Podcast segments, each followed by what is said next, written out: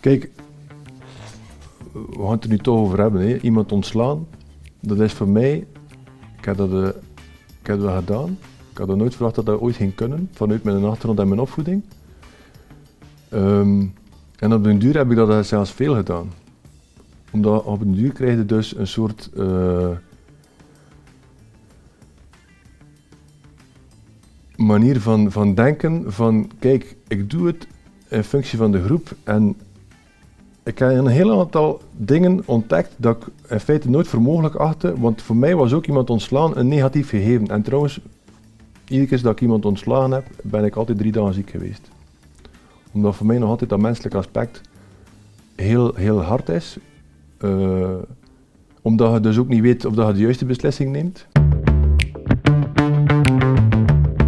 Hallo, ik ben Peter Perceval. Welkom bij Keerpunt, een podcast over gewone mensen die buitengewone keuzes maken in hun leven.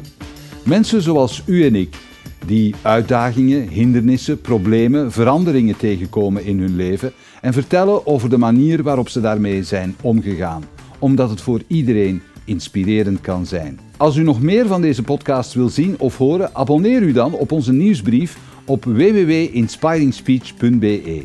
Of volg een van onze kanalen op Vimeo, YouTube, SoundCloud, Spotify, Apple Music of Google Podcast. In deze aflevering praten we met Sam Furnier. Sam is zelfstandig business consultant na een carrière die uitmondde in een post als CEO in een grote KMO. Nochtans groeide hij op in een gezin waar de baas geen populair concept was eerder iemand die het werkvolk kwam bestelen. Sam werd dan ook een atypische CEO en schreef over zijn ervaringen en over zijn visie op het leiderschap verschillende boeken. Over zijn groeiproces, de conflicten die hij tegenkwam, de lessen die hij leerde, vertelt hij alles in het volgende uur. Welkom Sam. Goedemiddag Peter. Bedankt dat je naar Antwerpen gekomen bent uit het verre West-Vlaanderen, zeggen ze altijd. Waar woon je eigenlijk?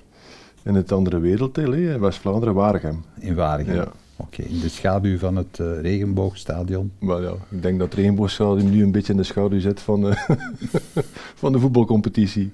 Ja.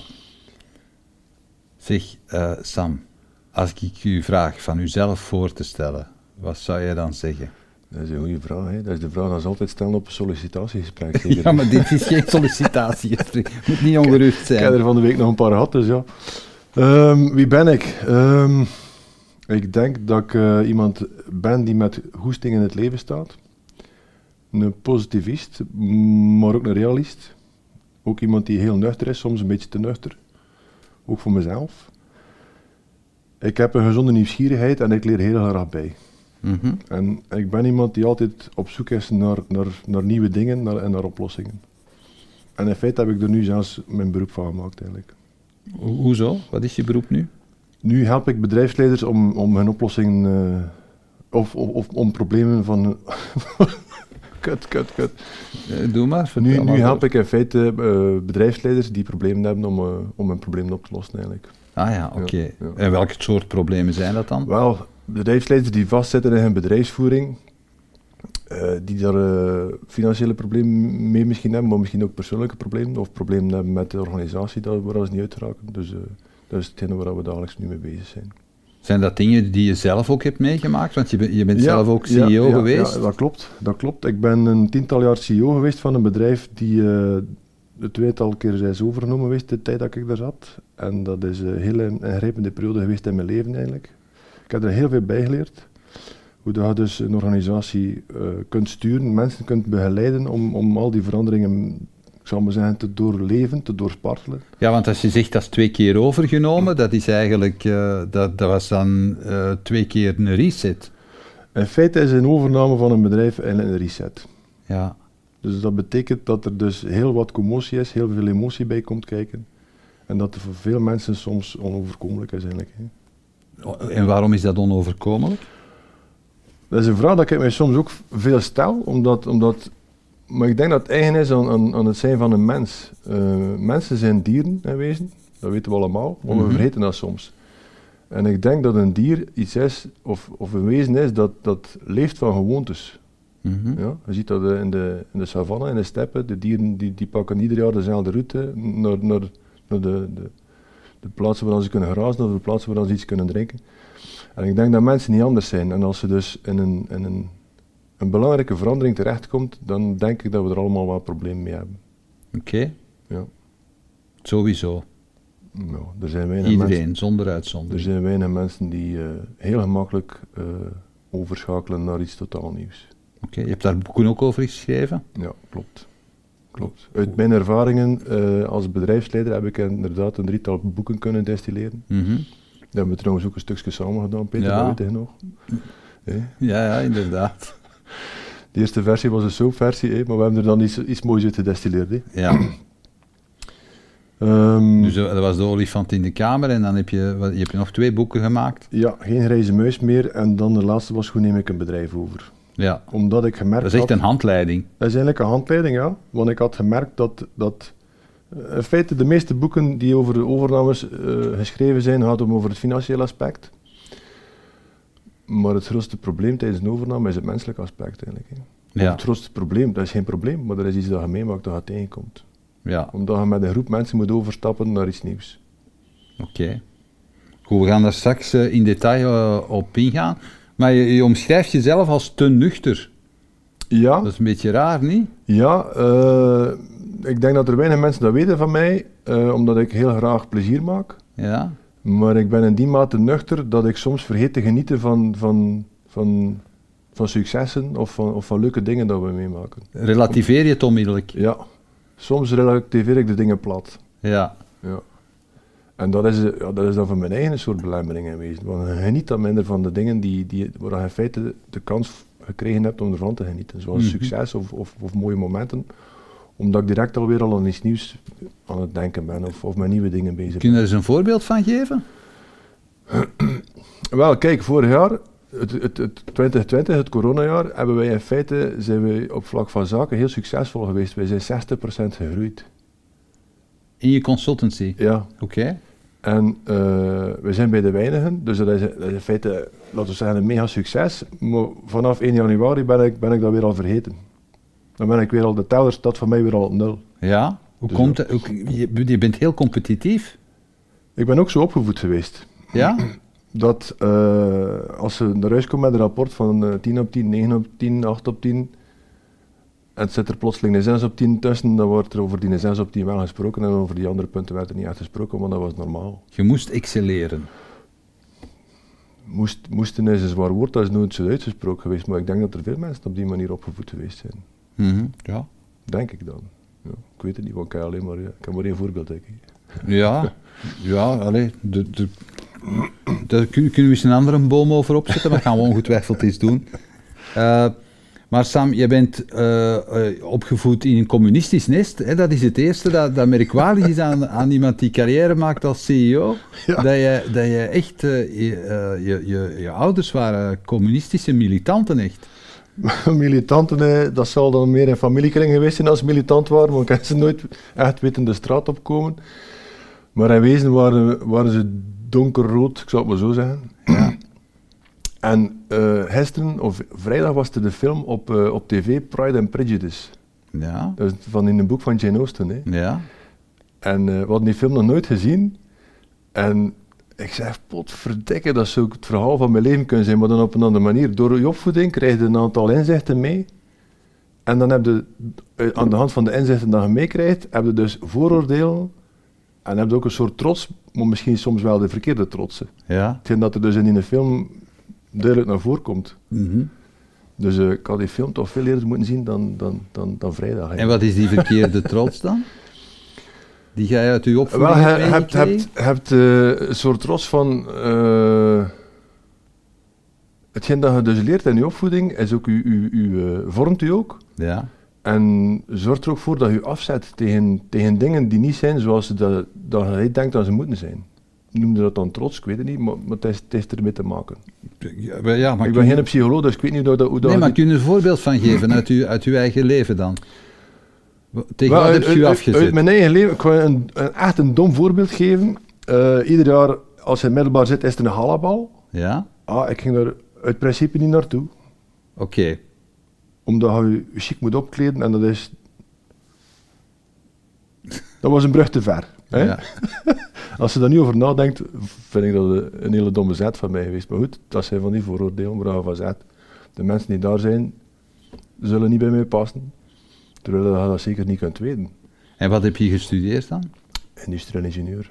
Oké. Ja. Was dat een bewuste keuze? Dat is ook eh, eigenlijk een hele goede vraag. Eh, dat is eigenlijk geen bewuste keuze geweest, want ik had graag piloot geworden. dat is er wel ver vandaan. Waarom ben je dan geen piloot geworden? Omdat ik te groot was. Dat is ook... Ze maken toch al grote vliegtuigen? Jij wilde piloot voor kleine vliegtuigjes worden? ik, ik wilde piloot worden, maar ik had er de financiën niet voor, dus ik moest naar het leger eigenlijk. Ah. En het leger zitten dus in een vork. Ja. Ik zeg maar iets, ik weet het niet meer, maar een piloot mag tussen een meter 60 en, eh, of een meter 65 en een meter 95 zijn. ja. En ze hebben in, de- in het leger hebben ze inderdaad grote vliegers in, maar eh, Maar niet zo groot. hè. je moet in de vork vallen, dus ik viel uit de vork. Ja. En toen was er geen tijd meer over en ik ben in feite, ik was, ben nog altijd heel geïnteresseerd in, eh, in mechaniek en techniek. En heel veel vrienden deden ook eh, studies voor ingenieur en ik ben dat toen gewoon gaan doen. Oké. Maar en, vond je daar je, je ding ook wel nee, in? niet direct, want het eerste jaar heb ik zelfs gedubbeld. Omdat ik me compleet niet amuseerde in die studies. Ik had toen maar besloten weer op, eh, op mijn tanden te bijten. Nee. Ik heb er nog vier jaar bij gedaan. Achteraf bekeken, ja. Hoe keken ze daar thuis naar, dat jij in het leger wilde gaan? N- negatief. Ja. Maar ik wilde per se piloot worden, dus ja, er waren niet veel alternatieven. Nee. Ja. En, maar was er, was er veel wrijving dan thuis? Had je Nee, op dat moment nee, al veel... Nee, nee, nee, nee, nee. nee. Eh, thuis, ik denk, eh, ik heb dat over laatst ook nog verteld, dat we een beetje gekweekt zijn met angst. want ik herinner me telkens dat ik ook van werk veranderde, was het, ja, maar gaat dat toch niet doen zeker? Je hebt nu alles wat je nodig hebt, je hebt een auto, je hebt dit, je hebt dat. Als je nu verandert, wat weten we dat je zult tegenkomen? Finaal gezien heb je altijd verbeterd. Mhm. En, en heb ik altijd meer plezier gekregen in mijn werk, wat dat eigenlijk voor mij bijna het belangrijkste is. Ja. En ik denk dat eh, die opvoeding ook veel te maken heeft met, met, met bang zijn weer voor die verandering, denk ik dan. Mhm. Ja? Of bang zijn voor de andere kant van het verhaal. Bang dat wel eens zou kunnen meevallen. Ja. Ja, nee, bang dat zou kunnen tegenslaan. En vergeten dat zou kunnen meevallen. Oké. Mhm. Dat is En- raar. Ja. Wel, in feite, de, mijn tweede boek, Geen Grijze Mu- Muis meer, gaat daar een beetje over. Dat Mhm. we in feite gebrainwashed worden, niet alleen in onze jeugd, maar in feite heel ons leven lang. En dat we met hetgeen dat we allemaal eh, krijgen van invloeden, bepaalde keuzes maken in ons leven, waar we wij zelf van denken dat onze keuze is. Mhm. En het belangrijkste is in wezen dat we onze passie volgen, hè, Peter, dat weten we. Maar hoe kom je daar dan los van? Van, die, van al die gedachten? Ah, wel, eh, die serie gaat hier over keerpunten zeker. Ja, ja. Een heel belangrijk keerpunt in mijn leven is het keerpunt dat, eh, dat we genomen hebben in 2018 om eigenlijk volledig ons eigen ding te gaan doen. Mhm. En hoe kom je daar los van? Wel, eh, dat is heel hard en heel lastig. Ik ga gewoon, eh, ik herinner mij toen dat ik besloten had om, ik zou maar zeggen, de houden kooi te verlaten en volledig van nul te starten op de leeftijd van 48. Ik heb eh, een weekend zitten pleiten. Echt wenen? Ja. Ja, Oké. ja, ja, ja. Omdat je denkt dat je dus in de, in de afgrond stapt. Hè. Mhm. Omdat je dus ook nog een stuk die angst meedraagt. Dat, dat, er, dat, dat ik meegekregen heb, maar dat er, dat er veel mensen, denk ik, hebben. Mhm. En hoe ben je er uiteindelijk doorgeraakt door die angst? Omdat een alternatief was slechter. De houten kooi was slechter dan, dan, eh, dan de, de afgrond. En ik, ik denk ook dat heel veel mensen die keuze niet durven maken en blijven kiezen voor de houten kooi en dan verzuurde oude mensen worden. Maar die gouden kooi, kun je daar eens over vertellen? Want je was dan CEO. Hè? Je was in een, in een familiebedrijf binnengekomen en dat, je hebt daar een hele eh, herorganisatie. Van, wil je nog eens vertellen? Je hebt een heel grappig verhaal over uw eerste dag in, in, in het bedrijf Eigenlijk was waar dat je CEO moest Dat was ook een keerpunt, ja. Dat is een keerpunt op zich. Dat was een keerpunt op zich, ja. Dus ik kwam terecht in een familiebedrijf dat voor een stuk verkocht was aan, aan eh, eh, een private equity. Ja. En eh, ik kwam binnen en de vrouw van de, de zaakvoerder stelt mij voor aan iedereen, maar vooral aan de mama van dat familiebedrijf. En ze zegt de mama, kom niet maar mee, ik zal u uw plaats tonen waar je vanaf nu kunt werken. En ze doet me mee, zegt ze, kijk, dat is het bureau van mijn man, maar die is er nooit.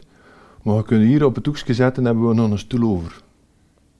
Ik, bedoel, ik zei, die bureau wordt toch niet gebruikt, dat is dat bureau van uw ma- op het bureau van mijn man houden niet gaan zitten. dus ik zat op het hoekje langs de andere kant van het bureau van de oude zaakvoerder eigenlijk. Ja. En eh, ik had ook geen pc. Dus dat was eh, de stijl van het huis. Ja. En ik moest eh, in eerste instantie eh, luisteren naar wat, dat de wat, wat dat de magazinier te vertellen had. Dus die kwam toen naast mij zitten, nog een stoel ernaast schuiven en we waren vertrokken. En de magazinier moest u instructie geven. En jij was de CEO. ja, Maar dus, jij was daar neerge- neergezet door de, door de, mede, de nieuwe mede-aandeelhouder. Ja, ja, ja, ja, ja. En in wezen, in in wezen was ik niet aangesteld als CEO, want ze hadden een, eh, een nieuwe externe CEO eh, aange- aangewezen, die was er al. Maar finaal is dat volledig valikant afgelopen met die persoon, mede ook door de stijl van het huis, die ik nu juist vertel, dat is, dat is, ja, Ja. dat is de verkeerde aanpak in wezen. En achter een paar maanden ben ik toen gevraagd geweest om, om toch de leiding te nemen en dat bedrijf toch te reorganiseren naar een modern bedrijf eigenlijk. Ja. ja. Ja. Maar die, die, de, de, de familie op dat moment, die hadden daar geen zin in. De familie had er geen zin in, want die... Maar ze hadden hun bedrijf ten dele verkocht, dus dat is een beetje raar. Ja, dat is Ze raar. wisten toch dat dat kwam. Ja, maar ik denk dat ze dat niet echt goed ingeschat hadden en ze wilden hun kindje niet loslaten. Oké. Achteraf bekeken, de, allee, je kunt dat allemaal kaderen, maar op het moment zelf is er natuurlijk spanning en vrevel en, eh, en heel veel emotie natuurlijk. Achteraf bekeken, ik, ik, kan, ik kan dat begrijpen. Je start van nul en 40 jaar later krijg je daar geld voor, maar kun je het niet loslaten. Ik denk dat dat de wereld is in die mate nu al geëvolueerd dat, dat er dat veel meer mensen zich beter realiseren dat er een moment komt dat als ze dan die centen krijgen in ruil voor het kind loslaten, dat dat al veel beter voorbereid is. Ja. Dus Ja. die keerpunten voor die mensen zijn al iets zachter dan voor u. ja, dat heeft er ook mee te maken dat die natuurlijk de, de betekenis van hun leven een beetje Ja. verloren. Ja, ja, want eh, en dat is ook hetgeen dat heel veel bedrijfsleiders en zelfstandigen meemaken. Het grootste stuk van hun leven is, is dat werk. Is die een job? Is dat, is dat kind? Ja. Naast hun echte kinderen hebben ze nog een, een ander kind. En dat andere kind noemt hun bedrijf. Ja. Waar dan ze meestal meer tijd hebben geïnvesteerd dan in hun eigen kinderen. ja. Dus hebben ze ook weinig andere dingen in hun leven en ook weinig andere hobby's. Of Ja. hobby's, te koer. Hoe lang heb je nog met de familie in dat bedrijf eh, eh, moeten werken dan? Ik denk eh, tien maanden.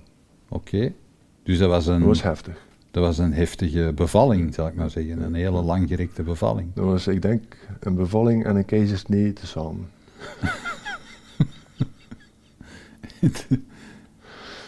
En wa- wat voor weerslag had dat op jou? Zag je het eigenlijk nog zitten na die tien maanden? Ik zag het eigenlijk na drie weken al niet meer zitten. Ja. Hè? Maar, maar toen hebben wij dat thuis besproken en toen heeft mijn vrouw mij verteld, Sam, misschien hadden we wel heel veel bijleren. En toen hebben we de keuze gemaakt om op ons tanden te bijten en hetgeen dat ik daar allemaal geleerd heb, kan ik nu gebruiken in feite om andere mensen te helpen eigenlijk. Ja? Dus eh, het is een keiharde, maar een gouden leerschool geweest. En wat, wat waren zo de grote leerpunten die je daar tegenkwam? Eh, het menselijke aspect, Ja? waar dat je van denkt, ik ken het, ik weet het, maar in feite, als het diep gaat, dan, dan, dan zie je toch veel mensen anders reageren of, of andere dingen gebeuren dan dat je in wezen denkt hoe dat mensen gaan reageren. Hm? En vanuit mijn, ik zou maar zeggen, vanuit mijn socialist, of vanuit mijn sociale opvoeding, ik zal het maar zo zeggen, eh, heb ik gemerkt dat, en ik heb er enorm van, was er enorm van geschrokken, dat eh, werknemers zelfs niet toelaten dat, dat, dat, ik zou maar zeggen, de patroon dan ehm, op hun niveau wil staan. Hm. Mens wil zijn onder de mensen. Ik heb er enorm van verschoten. Maar dat, is- dat is ook een dus- beetje bedreigend, niet? Als jij, als jij ineens tussen hen komt staan en, en bij wijze van spreken ook alles kunt gadeslaan wat er daar gebeurt, dat is Ja, ook een beetje bedreigend, toch? Ah, wel, ik denk dat dat ook een soort... eh, want dat was niet mijn bedoeling. Oké. Het was de bedoeling voor die mensen allemaal eh, eh, een beter iets te geven. Ik zal een heel simpel, praktisch voorbeeld geven. En in feite zijn we bezig van die reorganisatie van, van, van echt... Ik denk, denk dat die dingen nu niet meer voorvallen, hoop ik dan toch. Maar die mensen hadden eh, hele oude bureaustoelen. Ja. Er, was er, er waren zijn mensen die met bureaustoelen zaten met drie wieltjes in plaats van vier wieltjes. Die zaten scheef. En ja, die zaten dus dagelijks scheef op, op, hun, op hun kantoor. En ik heb dus in wezen met, met de familie een gevecht moeten leveren. En dat is echt een belachelijk detail, maar ik heb een gevecht moeten leveren om nieuwe, vier nieuwe bureaustoelen te kunnen kopen. En toen dat ik ze had, zijn er twee van die, van die vier mensen er niet gaan opzetten. Die wilde dat. Die, die bleven op die oude stoelen zitten. Allee ja, dus, waarom? ja, beter, waarom ja? Waarschijnlijk uit angst, uit angst dat het ging beter worden, waarschijnlijk. Ik dacht dat er afluisterapparatuur is. Het is van die nieuwe. Het zal Ja. wel niet goed zijn. hè? ja. Echt zo, ja? Ja, ja, ja, maar ik denk en ik hoop, allee, ja, ik denk dat dat wel een heel zwaar dossier is geweest waar je echt veel van die dingen hebt tegengekomen. Ik hoop en ik denk ook dat dat niet, niet veel voorvalt. Mhm. Maar ik weet het dus niet. Ja.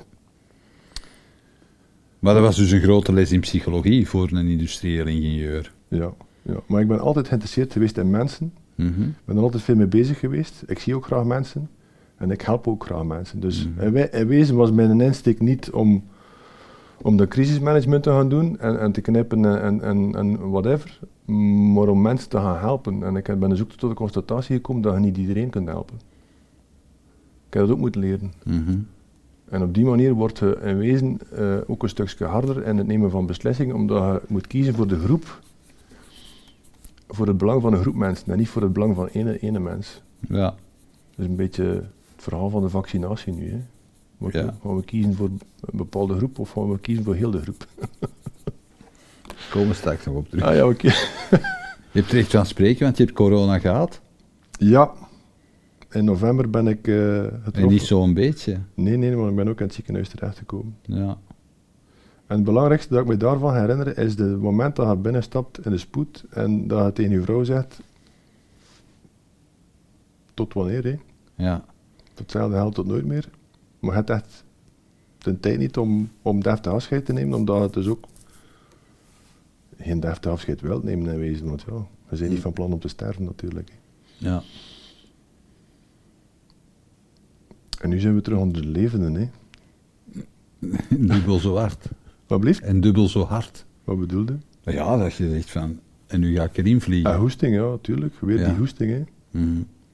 Zeg, eh, Sam, eh, want je zegt, ik ben altijd geïnteresseerd geweest in mensen. Je hebt ook judo gedaan op vrij hoog niveau. Karate, ja. Eh, Karate, sorry. ja. Op vrij hoog niveau. Klopt. Ehm, dus dat is, dat is competitie, maar dat is ook heel goed kijken naar uw tegenstander. Ja, dat klopt. Eh daar leerde dus ook, eh, ik zou maar zeggen, geduld hebben en, en, en studeren. Mhm. Op een andere manier natuurlijk. Ja. Mensen inschatten. Ja. Dus eh, dat is ook hetgeen dat ik nu... In feite, in al die tijd heb ik veel leren kijken en luisteren naar mensen. En dat is heel belangrijk. Dat is bijna de, de belangrijkste manier, of de belangrijkste, het belangrijkste communicatiemiddel, is luisteren. Mhm. En, eh, maar je bent ook coach geweest in de karate. Ja.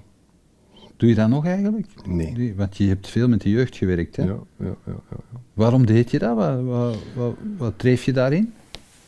In feite ben ik daar gewoon ingerold, gelijk in veel dingen waar ik ingerold ben in mijn leven. Eh, omdat het heel fijn is om, eh, om die jonge gasten de hoesting te doen krijgen voor iets dat, dat, waardoor ze, dat ze zichzelf kunnen overstijgen. Het is ook heel, heel, heel fijn om te zien dat, dat de jeugd wel nog echt wel hoesting heeft, ook in discipline. Terwijl dat wij soms denken dat de jeugd dat, dat, dat, dat niet meer wilt, maar als ze dat uitlegt waarom dat, dat interessant is en waarom dat, dat nodig is, dan, dan zetten ze zich wel in. Mhm. En hier opnieuw weer, niet iedereen, maar goed, oké. Dat is waarschijnlijk nog nooit geweest. Hè. Nee. Dus dat is heel fijn als je ziet dan, dan die jongens en die meisjes, dat, dat die tevreden zijn met het feit dat ze, dat ze ook wel hard kunnen trainen. Ja. Terwijl je ze, als je ze in het begin ziet, dan vinden ze dat, eh, dan denken ze dat het is gelijk in die films. Hè. Waxon en Waxoff, hè. die denken dat dat bij de spons de muurkuisen is, maar karate is iets anders. Ja, wat, wat is die filosofie die, eh, die, die, daar, eh, die daar belangrijk in is? De belangrijkste filosofie is dat, dat eh, in feite eh, het beste gevecht is het gevecht dat je nooit voert. Maar ik weet ook niet of dat, dat een goede filosofie is. Waarom niet?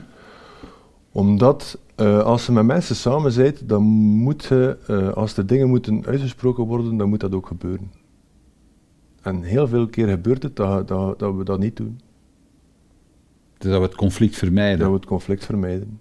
En jij bent meer van, ga er maar eens in. Nee, nee, nee, nee. Je moet, je moet dat eigenlijk goed bekijken of dat, dat gepast is en welk resultaat dat je ermee kunt bereiken. Hè.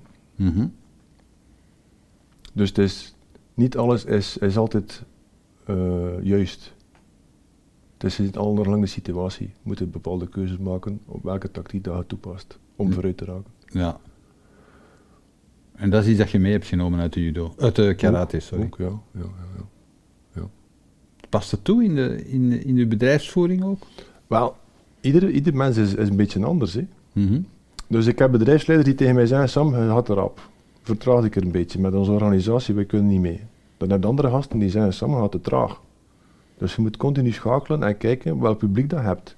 Ik denk dat dat bij jullie hetzelfde is. Je moet kijken welk publiek dat hebt en dan moet je schakelen Ja. Mhm. en kijken op welke knoppen dat je kunt duwen om, om iedereen beter vooruit te kunnen helpen eigenlijk. Mhm. Ja. ja. En, maar op den duur zijn ze echt met, met 100 knoppen tegelijk bezig. Dus hoe, houde, hoe beheerste dat? Nee, nee, Nee? Er, er zijn geen honderd knoppen. Hè. Het is niet dat je, dat je per persoon echt een gedifferentieerd eh ding Nee, moet. maar dat kun je, kunt dat, kunt dat moeilijk doen. Hè. Als je een groep mensen moet aansturen, dan, dan moet je in wezen van boven kijken wie dat uw, uw belangrijkste mensen zijn en, en op die mensen in de knoppen gaan duwen. Hè. En Ja. ik zeg het niet graag op knoppen duwen, maar het is, het is een beetje simplistisch dat ik nu vertel. Het, zijn, Ja. het zijn niet echt op knoppen dat je duwt, maar het is, het is een manier van aanpak eigenlijk. Ja. In functie van hetgeen dat er wel bereikt wordt, dat je wilt bereiken eigenlijk. Mhm. Oké. Het is eigenlijk meer mensen helpen om bewustzijn te krijgen en dingen dat ze kunnen doen om iets beters te realiseren. Ja. Dat is iets anders dan op knoppen duwen. Hè. Ja.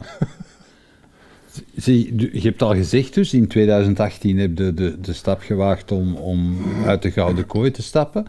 Maar je, daar uiteindelijk, ben je tien jaar, heb je tien jaar in die CEO-positie gezeten. Wat hield u daar dan? Wel, eh, loyaliteit naar de mensen toe. Ja? Want ik heb, ik heb toen, toen dat ik mijn afscheid genomen heb, ben ik eh, halverwege mijn speech gestokt omdat ik beginnen eh wenen ben eigenlijk. Ja. Omdat het mij speet dat ik die mensen moest eh, achterlaten. En ik merk dat dat in, in vorige punten in mijn carrière was dat hetzelfde. Dus je hebt je collega's, je hebt een goede band met, met de meeste mensen. En ondanks het feit dat je zegt, ik denk dat mijn pad hier niet meer ligt, dan blijft het toch nog iets langer, omdat je dus ja, bij een soort, een soort groep hoort. Mhm. Ja, waar je van zegt, dat is toch wel een tijdje een stuk van mijn leven geweest. Ja. En, en ook als bedrijfsleider heb ik dat gevoel, en ik vind dat een bedrijfsleider heeft een sociale functie. Dat is mijn mening. Wat is die? Dat is ervoor zorgen dat, dat de medewerkers een, een, ook een aangenaam leven kunnen leiden. Op hun werk, maar ook thuis. Door het feit dat ze dan natuurlijk ook geld verdienen met Mhm. het werk dat ze doen. Maar in hoeverre gaat dat, het aangenaam leven? De, zorgen voor dat aangenaam leven? Zorg jij dan ook dat er... Dat er koffie is. Breng jij ze koekjes en zo? Zeg jij zo'n baas? Nee, nee, nee, ik ben zo geen baas. Je moet de mensen een beeld geven van wat ze betekenen zelf voor zichzelf en voor de anderen. Hmm. Want iedereen wil van betekenis zijn. Iedereen wil graag iets betekenen. Gewoon, er zijn die zeggen van niet, maar iedereen wil graag iets betekenen. En als je de mensen een beeld kunt vormen wat dan ze samen met die groep betekenen, dat is dat voor die mensen belangrijker dan geld verdienen. Want ze horen bij, laat het ons dan een elitegroep noemen, als ze er een mooi verhaal, de gemeente, als ze dat kunnen brengen. Dan vinden ze van zichzelf, ik, ik ben mee aan het onderscheiden. Mhm. Oké. Ja. Maar dus eh, die betekenis, als mensen nu ontdekken in zo'n eh, in zo'n operatie van, ja maar ja, mijn betekenis ligt helemaal niet hier, ja, dat is toch goed? ja, Dat is toch goed? dat is het niet tof voor u als CEO natuurlijk, als je daar al uw Latijn hebt ingestoken. Dat gebeurt, hè, Peter. Mhm.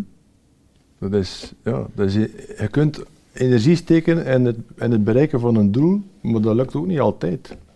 Mhm. Dat is, hoe, hoe noemen ze dat dan? Eh, eh, En cours de route, eh, collateral damage. Ja. Voor jezelf, misschien ook voor die persoon. Maar ik weet dat ergens blijven waar dat je niet goed voelt, finaal fnuikt dat iets. Je joie de vivre of, of, of, of whatever. Maar ergens blijven omdat, omdat dat uw comfortzone is. En die comfortzone verdwijnt en je blijft dan nog omdat je bang bent voor het andere. Ik vraag u dat omdat als je spreekt over betekenis geven, dat, dat heeft ook veel te maken, of in, alleszins zo neem ik dat waar. Je mag, het is niet dat je het er eens mee moet zijn, maar de mate waarin mensen ook bereid zijn om verantwoordelijkheid te nemen, Absoluut. om die betekenis ook echt in te vullen. Absoluut. Absoluut. Als, En, maar is iedereen daartoe bereid? Maar niet iedereen. En wat doe je daar dan mee? Maar dat is, een- dat is een keuze dat je samen maakt eigenlijk. Mhm. Bewust of onbewust. Kijk, als je een groep mensen aanstuurt en je vertelt tegen die mensen een verhaal, dan gaat er nooit iedereen meekrijgen. Om whatever reden. Ook misschien mensen die het zelfs niet gelovend geen aan het vertellen zijn.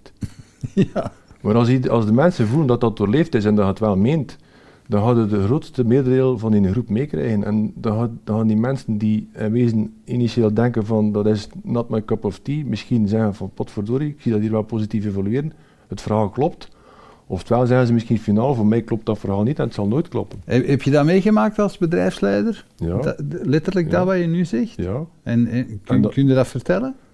En wel, Maar dan gebeuren er verschillende dingen. Er zijn mensen die dan zelf vertrekken. Ja. In wezen is dat dan de beste manier, want dan is er weinig frictie. En dan moeten, en als, als bedrijf hebben we daar wel een probleem, want dan moeten dat, die positie terug opvullen. Maar je moet natuurlijk ook zelf mensen eh, laten vertrekken, omdat het de groep tegenhoudt. En er zijn mensen die mij achteraf zelfs gebeld hebben, Sam, bedankt dat je dat gedaan hebt. Ik ging het uit mijn eigen nooit gedaan hebben, maar nu ben ik tenminste met iets bezig dat ik liever doe. Echt ja? Ja. Maar de perceptie is, is veel anders. De perceptie is altijd slecht als het over zo'n dingen gaat.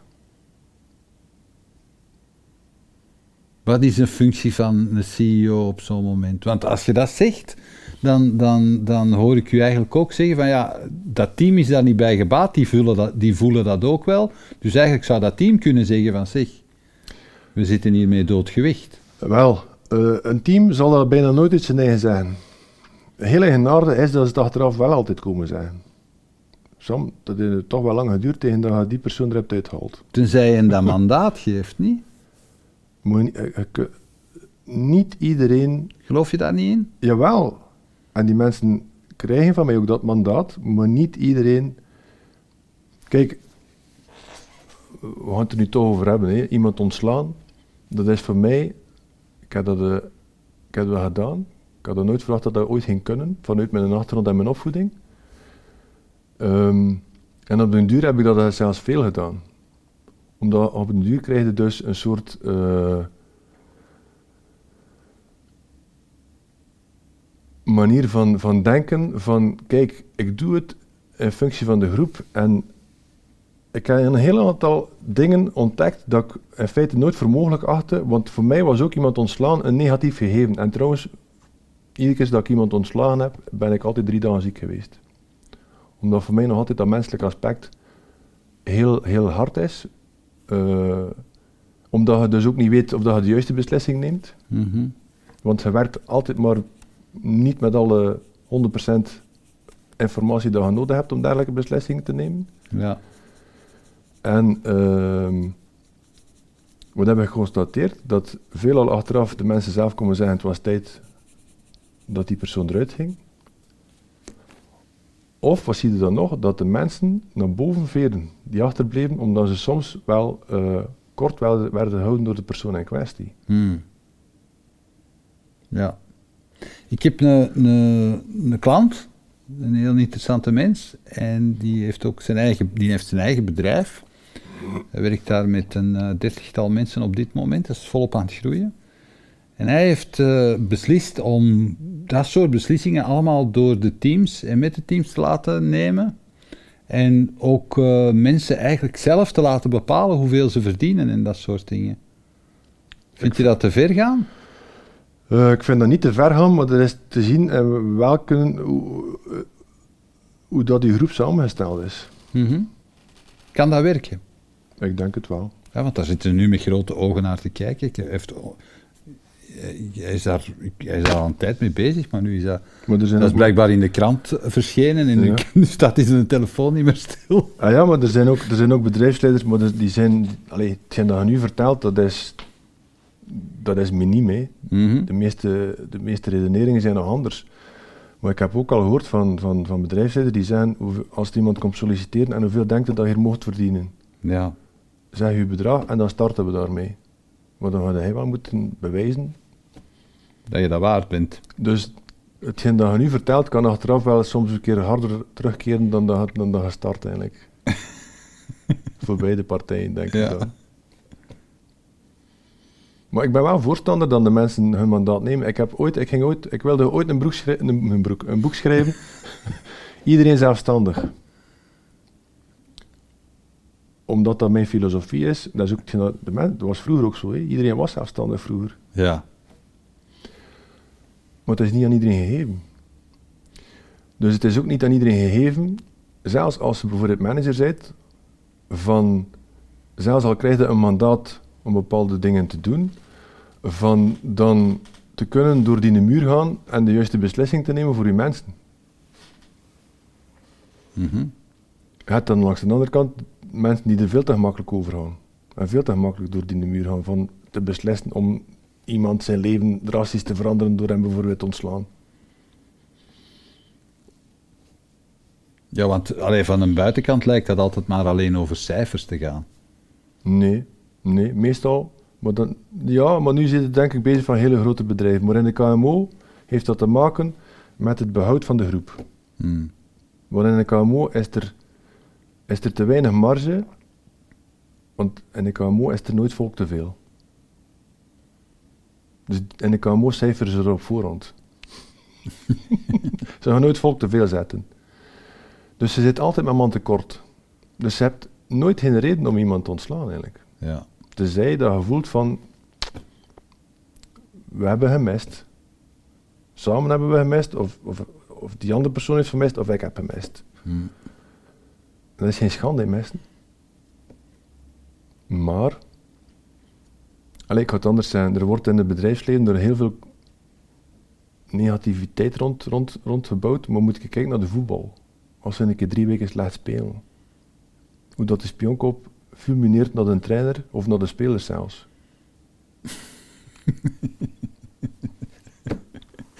ja. Hè?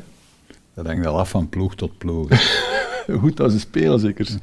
ja, maar als het resultaat er is, dan gaan de mensen zeggen van ja, ze spelen wel slecht. Maar we hebben toch twee punten, toch drie punten gehaald. Maar ja, dat is, dat is weer te bewijs dat het leven veel dingen relatief zijn. Hè. Ja.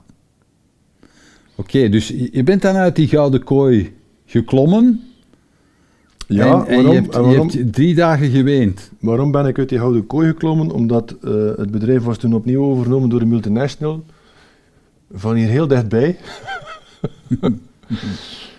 Eh, die van mij dingen begon, begon te vragen waardoor dat ik wist dat, er, dat ik heel veel mensen ging moeten ontslaan, maar dan uit financiële overwegingen.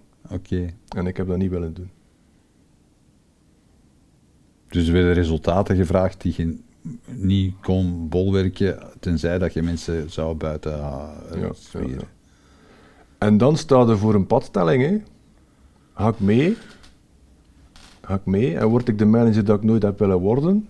Mhm. Ja, maar blijf ik in mijn gouden kooi? Of spring ik in, in, in, ja, in het zwarte gat, waar ik niet echt van weet of dat zal lukken, of dat ik die verantwoordelijkheden dat ik draag naar mijn gezin toe zal kunnen blijven dragen? Ja. En dat is inderdaad een, eh, een van, van de keerpunten in mijn leven geweest, waar ik van zeg, ik ben nog altijd content dat ik het gedaan heb. Iedere dag meer en meer zelfs. Ja, eh, waarom? Wat, wat heb je gewonnen? Eh, wat heb ik gewonnen? Ehm, in feite vrijheid heb ik gewonnen. Mhm. En ik denk dat, dat heel veel mensen dat missen. Hoe ziet die vrijheid eruit? Want je moet wel hard werken. Ja, ja, ik werk nu waarschijnlijk harder dan, dan toen, terwijl ik toen ook al hard werkte. Maar je krijgt energie van wat je nog nu doet. Mhm. Omdat je, iets aan, je zit aan het bouwen aan iets. En, en wordt het toen ook aan iets aan het bouwen, maar, maar het is nog altijd niet uw, uw, uw ding dat je bouwt. En wat dat er nu ook voor mij heel, heel fijn is, dat als ze mensen helpt, als ik nu s'avonds vertrek, overal waar ik kom, dan zeggen die zaakvoerders, Sam bedankt hè. Dus iedere dag is dan een cadeau hè. Hoe belangrijk is die erkenning voor jou? Maar dat is hetgeen dat ik in, in, daar straks vertelde. Mhm. Iedereen wil iets betekenen. Ja. Het, het, het gaat hem over de erkenning dat, dat die mens zegt, eigenlijk had hij mij wel geholpen. Dus het gaat hem minder over mij, maar het gaat hem over het feit van hetgeen dat we hier aan het doen zijn, komt, komt binnen en we raken daarmee vooruit. Mhm. En het feit dat we vorig jaar sterk gegroeid zijn in zo'n slecht jaar, bevestigt dat dan. En dat is dan die erkenning eigenlijk, ja. Ja. Eigenlijk eh, ben jij, eh, vaar jij er wel bij als de mensen problemen hebben. ja, ja, ja. Ehm, nee, ik vaar er wel bij als de mensen vooruit raken. Want heel veel mensen zitten vast, maar zien niet dat ze een probleem hebben. Mhm. Het, het is, het is, het is Maar zijn ze altijd even blij als je binnenkomt en je, Nee, en je nee. zegt van eh, ik, Nee. weet, ik weet waar je een probleem hebt? maar dat zeg ik ook niet. Ah. Hoe zeg je dat dan? Eh, wel, in eerste instantie luister ik. Ja. Ik zeg niet veel. Mhm. En wat dat er voor die mensen heel belangrijk is, dat die mensen voelen dat, ik- dat ik ook in hun schoenen gestaan heb. En waarom komen ze, wat zijn zo typische situaties waarmee ze bij jou komen dan? Ehm, bijvoorbeeld bedrijfsleiders die. Ik zal het anders zijn. De meeste bedrijven waar ik voor werk zijn bedrijven die goede cijfers hebben. Mhm. Maar die voelen van zichzelf. Ik wil iets, ik wil iets anders. Het, moet, het, het zou eigenlijk wel beter moeten kunnen. Of bijvoorbeeld, eh, die mensen zijn rond de 60 en ze zijn de familiale overdracht aan het voorbereiden. En ze, ze weten niet goed hoe dat ze dat moeten doen, want, dat, we- dat weten we allemaal, sorry. Je zult altijd je eigen kind anders behandelen dan dat je iemand behandelt dat je minder kent. Mhm. En als, als externe kun je dat dan helpen faciliteren, dat proces. Oké. Dat zijn een paar voorbeelden. Van situaties waar we in terechtkomen. Van bedrijfsleiders die vooruit willen, die willen groeien. Of bedrijfsleiders die zeggen, ik zit compleet vast, maar ik zie, ik zie het niet waar dat zit, want de spreuk zegt, en het twee soorten spreuken, in Nederlands kun je zeggen, je kunt het vuur niet blussen als in het vuur staat. En in het Engels zeggen, you cannot read the label when you're inside the bottle. Ja. Maar als je zegt van ze, ze zitten vast, in, in wat zitten ze dan vast? Eh, Willen ze, Wel- meer resultaat? Of wat, wat, Ze- meestal zitten ze vast in het feit dat ze zelf nog te veel moeten doen. Oké, Dus als ze te veel zelf met het operationele bezig zijn en dan ze vergeten na te denken over strategie. Vergeten is misschien het verkeerde woord, maar dat, dat ze zelfs de tijd niet meer hebben om, om strategisch te gaan nadenken hoe dat ze hun bedrijf willen verder ontwikkelen naar hetgeen dat zij willen. Maar Waardoor dat ze slaaf worden van hun eigen bedrijf. heeft het er ook mee te maken dat ze niet kunnen lossen? Voor een stuk wel. Voor een stuk wel. Dan, dan, dan komen we terug naar dat kindje. Mhm. Ja, en eh, dan kom je, als je niet kunt lossen, kun je ook niet de oude manier van werken lossen, waar dat je mee initieel succesvol geworden bent, maar die niet meer de juiste methode is om verder de volgende stappen te zetten. Ja. En dat is van veel dingen in het leven. Alles heeft te maken met bewustwording. Hè. Mhm. En geloven in bepaalde oplossingen die ons kunnen vooruit helpen. En dan kom ik weer terug naar heel het begin van ons gesprek. Niet bang zijn om bepaalde stappen te nemen. En, en denken in van, ja oké, eh, als we stappen zetten zal het beter worden. En niet van het zal slechter worden. Maar heel veel bedr- bedrijfsleiders waarmee ik al gepraat en gewerkt heb, die, die, mensen zijn, die, die mensen groeien op een vrij organische manier en ze nemen mensen bij aan. En dikwijls zijn de eerste mensen die ze aannemen, zijn een beetje klonen van henzelf. Dat klopt, ja. Maar dat is natuurlijk niet zo heel verstandig als je dat Nee, doet. want ik heb dat ook meegemaakt. Ja, Ik heb op, op een bepaald moment had ik een managementteam rond mij en ehm, we waren op een heel bepaald specifiek moment ontdekte ik, wat verdorie, we zijn er te vriendelijk aan het worden voor elkaar. ja, We zijn niet meer kritisch genoeg op elkaar. Omdat ik had klonen van mijn eigen aangeworven. Sympathieke gasten, eh, waar je een keer een pot mee kunt gaan pakken. en, en te vriendelijk, we gaan, Ja. we gaan elkaar niet de vinger in de ribben duwen. ja, Maar dan, dan voelde dat je, dat je organisatie begint. Ze draait, ze draait, ja. ze draait. Maar ze zal niet kritisch genoeg meer zijn op zichzelf om scherp te blijven, om dan bijvoorbeeld crisissen dat we nu hebben, tijdig te kunnen opvangen. Mhm. Wat is de typische uitkomst van, van een conflict, als, je- als je dat op dat niveau aangaat? Als je zegt, van, wat is een, een, een vruchtbaar conflict op bedrijfsniveau bijvoorbeeld, hoe ziet dat eruit? Wel, eh, wij hadden een heel specifiek.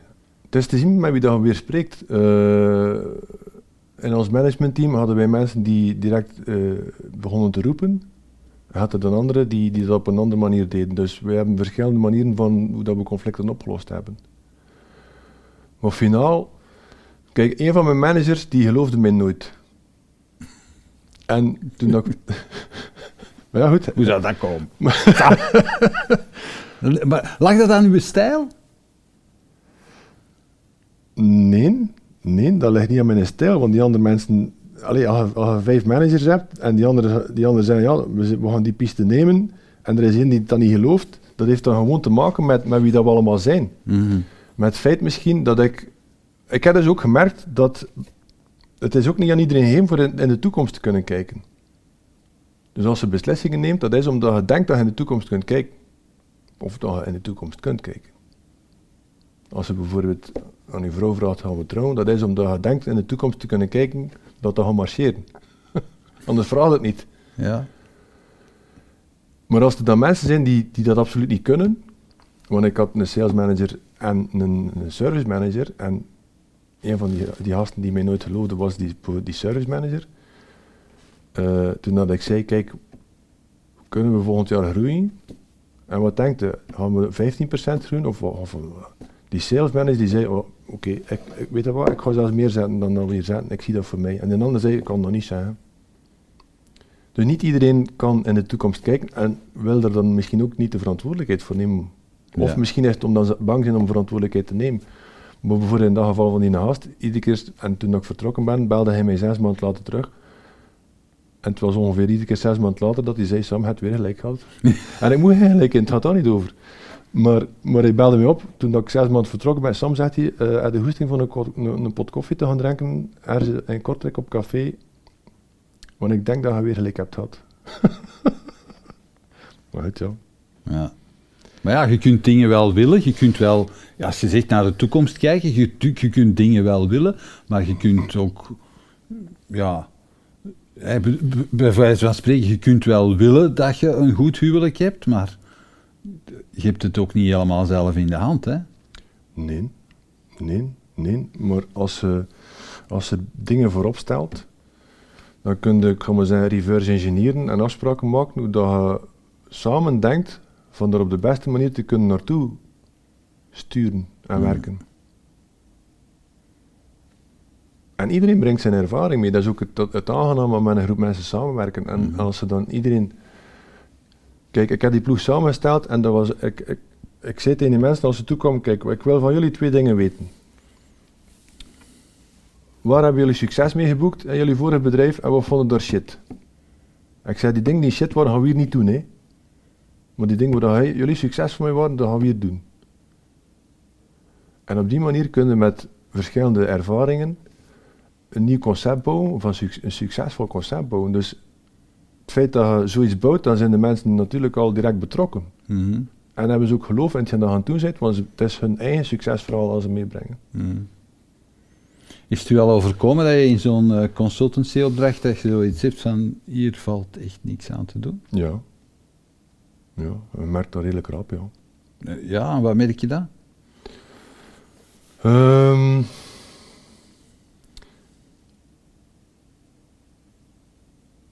als je zo'n proces start, dan, dan ten eerste eh kijk te veel en luister te veel. Eh, maar van het moment dat je begint te triggeren. Kijk, bijna iedere keer als ik bij een klant ben, dan zeg ik, ik zal weer de ambetantrek zijn. Ja. Maar Ik zeg, het is ook mijn job. en de meesten eh, vinden dat moeilijk, maar ze vinden dat ook goed. En van de die het niet goed vinden, dan weten dat zal weer een heel moeilijk dossier worden. Begrijpt je wat ik bedoel? Ja, Ja. maar dan geeft je dat ook, eh, geeft dat ook terug. Of eh, wat Ja. doe je dan? Meestal wel, ja. Ja? Omdat, omdat Dan zeg je gewoon hier is niks aan te doen. Maar ik probeer dat op een, op een betere manier te formuleren. Eh, maar het is ook niet de bedoeling dat ik geld uit die mensen zijn zakken blijf halen, terwijl ik al op voorhand denk van, er is misschien, misschien is het ook omdat er geen match is tussen, tussen ons, dat kan ook zijn. Ja. Het is van zoveel dingen. Als het een goede match is, dan kun je veel, veel bereiken. Maar je moet ook eerlijk zijn met jezelf, ik ook. Ik zeg dat ook tegen mijn klanten, als, als, als ik voel dat, dat ik alleen maar nog kom om uren te presteren om te kunnen factureren, dan stop ik ermee. ja. En eh, de, de bedrijven met wie dat je werkt, dat zijn KMO's? Of hoe Dat zijn? KMO's tussen de vijf, een omzet tussen de 500.000 euro en, en de, de 100 miljoen euro. Oké, Dus het is, het is een redelijk grote vork, ja. dat is een heel grote vork, ja. Ja, maar ja. Het, kan, soms rap gaan, hè. Zeg, eh, we, we, we hebben het al even over gehad. Je hebt, eh, je hebt zelf ook corona gehad. Mhm. Ehm, heeft, heeft dat je blik veranderd op de dingen ook? Dat is eigenlijk wel een goede vraag.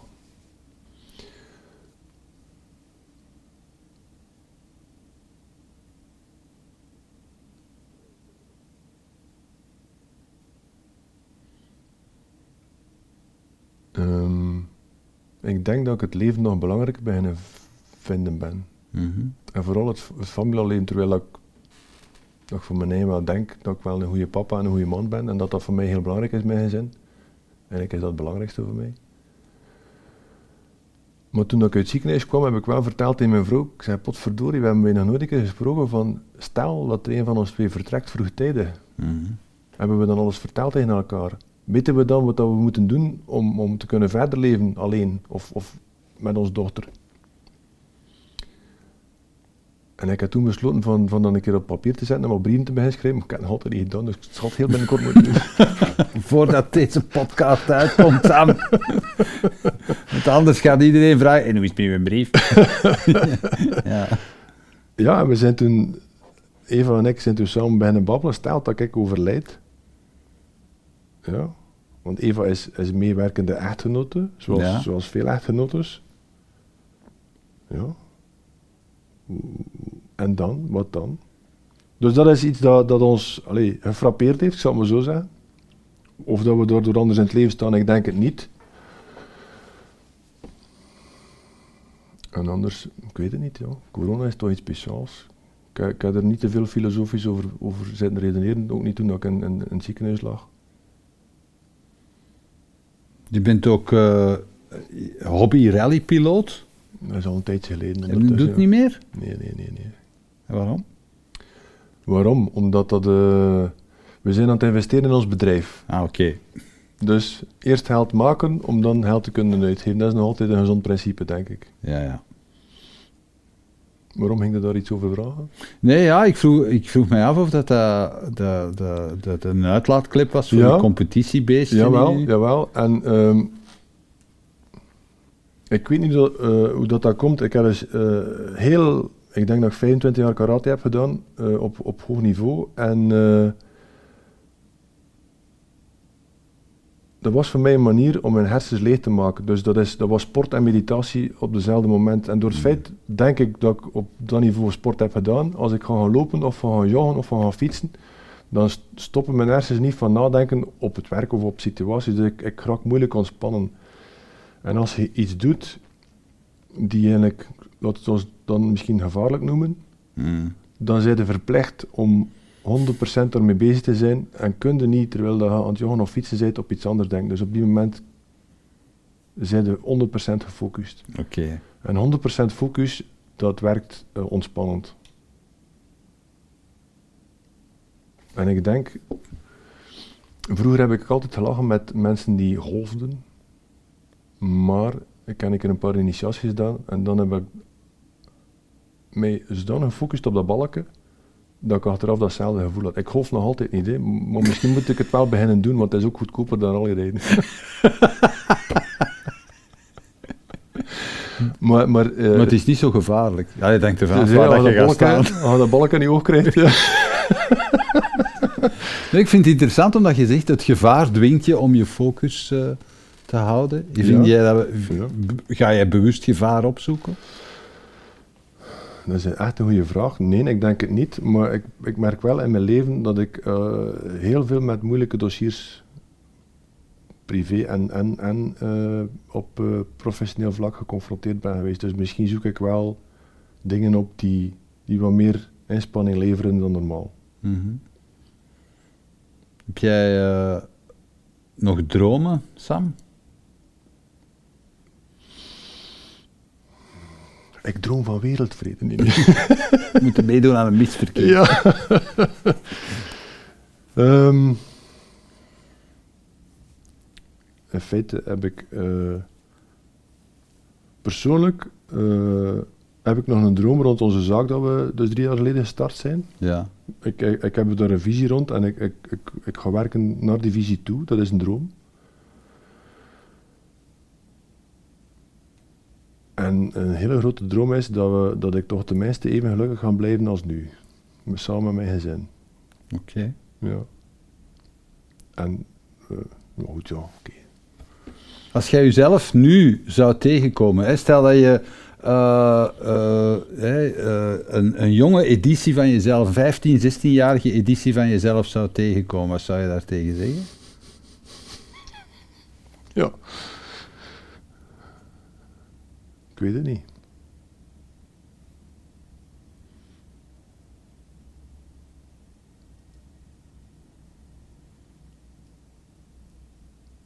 Ik weet het niet.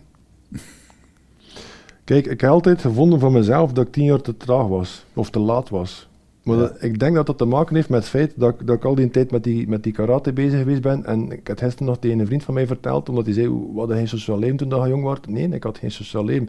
Ik heb in een stolp geleefd. Ja. Waardoor dat je je ontwikkelt dan op, op dat vlak waar dat je in die stolp van zit, maar voor de rest ontwikkelt je te weinig. Mhm. Het, het, het geen sociaal netwerk, het, of, of een kleiner of een beperkt sociaal netwerk. Eh, je zit ook niet bezig met hetgene waar ik nu mee bezig ben. Waardoor dat ik nu, nu denk van, potverdikke, had ik misschien die karate niet moeten doen, dan had ik nu misschien al tien jaar verder gestaan. Ja. Maar goed, dat is wat dat is. Maar op vlak van eh, eh, 15 jaar zijn en, en hetgeen dat ik er juist vertelde, dat je dus met een bepaalde visie in het leven staat. Ik weet zelf niet of ik zou geluisterd hebben. Als, als, als de Sam van nu tegen de Sam van 15 jaar ging gesproken hebben. Mhm. Oké. Goed. Je zit juist in je puberteit, hè. Dan, dan, dan zit- sta je juist op het punt om heel de wereld te veroveren, nee Peter, dat weet je. Ja, dat is een heel groot keerpunt. Hè. Verschot dat zo niet is, of wat? ja, dat is, dat is een ander verhaal. Dan zal ik eens voor naar, naar uw podcast komen. Ah ja, maar het is nog een dag. Dat is goed. Oké, Sam, bedankt voor het gesprek. Graag gedaan. En eh, heel veel succes met je zaak. Ja, jullie ook. En eh, ik eh, kijk uit naar je volgende boeken. Ah wel, ik ben... eh, het, is, het, het begint nu... Er begint weer iets te borrelen, ja. Ik zie het. Zie je dat? hè? Ja. Tot ziens. Ja, Peter, tot ziens. Bedankt. Bedankt dat je keek naar deze aflevering van Keerpunt. Wil je op de hoogte blijven van nieuwe afleveringen en nieuwe interessante gasten? Abonneer je dan op onze nieuwsbrief via www.inspiringspeech.be.